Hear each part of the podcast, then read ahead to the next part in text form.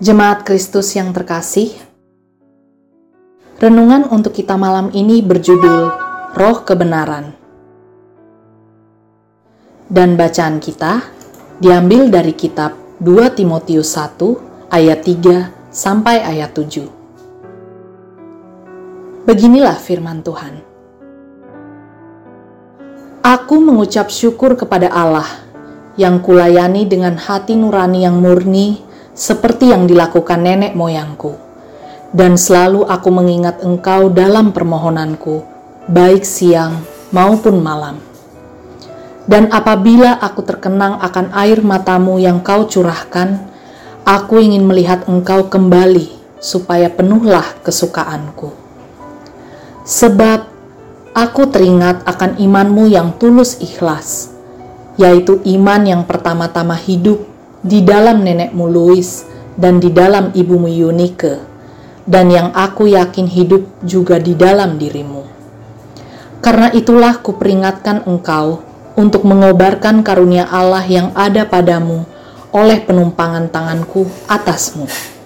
Sebab Allah memberikan kepada kita bukan roh ketakutan, melainkan roh yang membangkitkan kekuatan, kasih, dan ketertiban. Menjadi orang Kristen di negara kita memang dirasa gampang-gampang susah.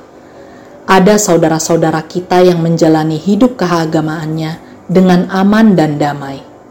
Mereka dapat hidup berdampingan dengan saudara dari agama lain.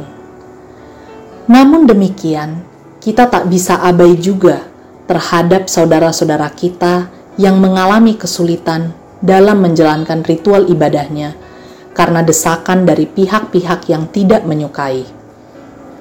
Kedua situasi ini tanpa sadar membawa kita pada sikap memble. Orang Kristen tak lagi memiliki daya juang, baik karena situasi yang nyaman atau karena tekanan yang begitu luar biasa. Surat yang ditulis Paulus kepada Timotius ini harusnya menjadi pengingat bagi kita bahwa saat kita mengenal dan hidup dalam kasih Kristus, kita tidak lagi memiliki roh ketakutan akan dunia ini. Seharusnya yang tumbuh dan terus berkembang dalam diri kita adalah roh yang membangkitkan kekuatan.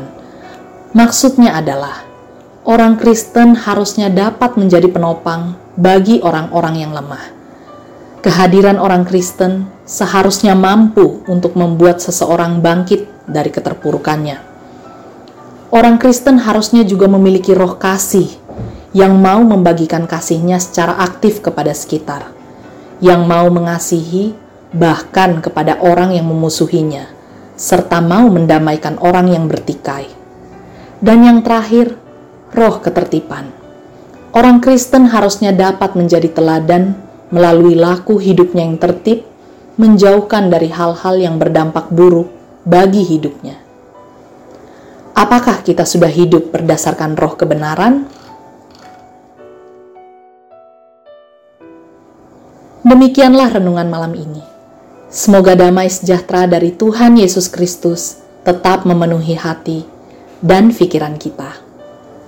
Amin. Jemaat yang terkasih, mari kita bersatu hati menaikkan pokok-pokok doa yang ada dalam gerakan doa 21 GKI Sarua Indah. Mari berdoa.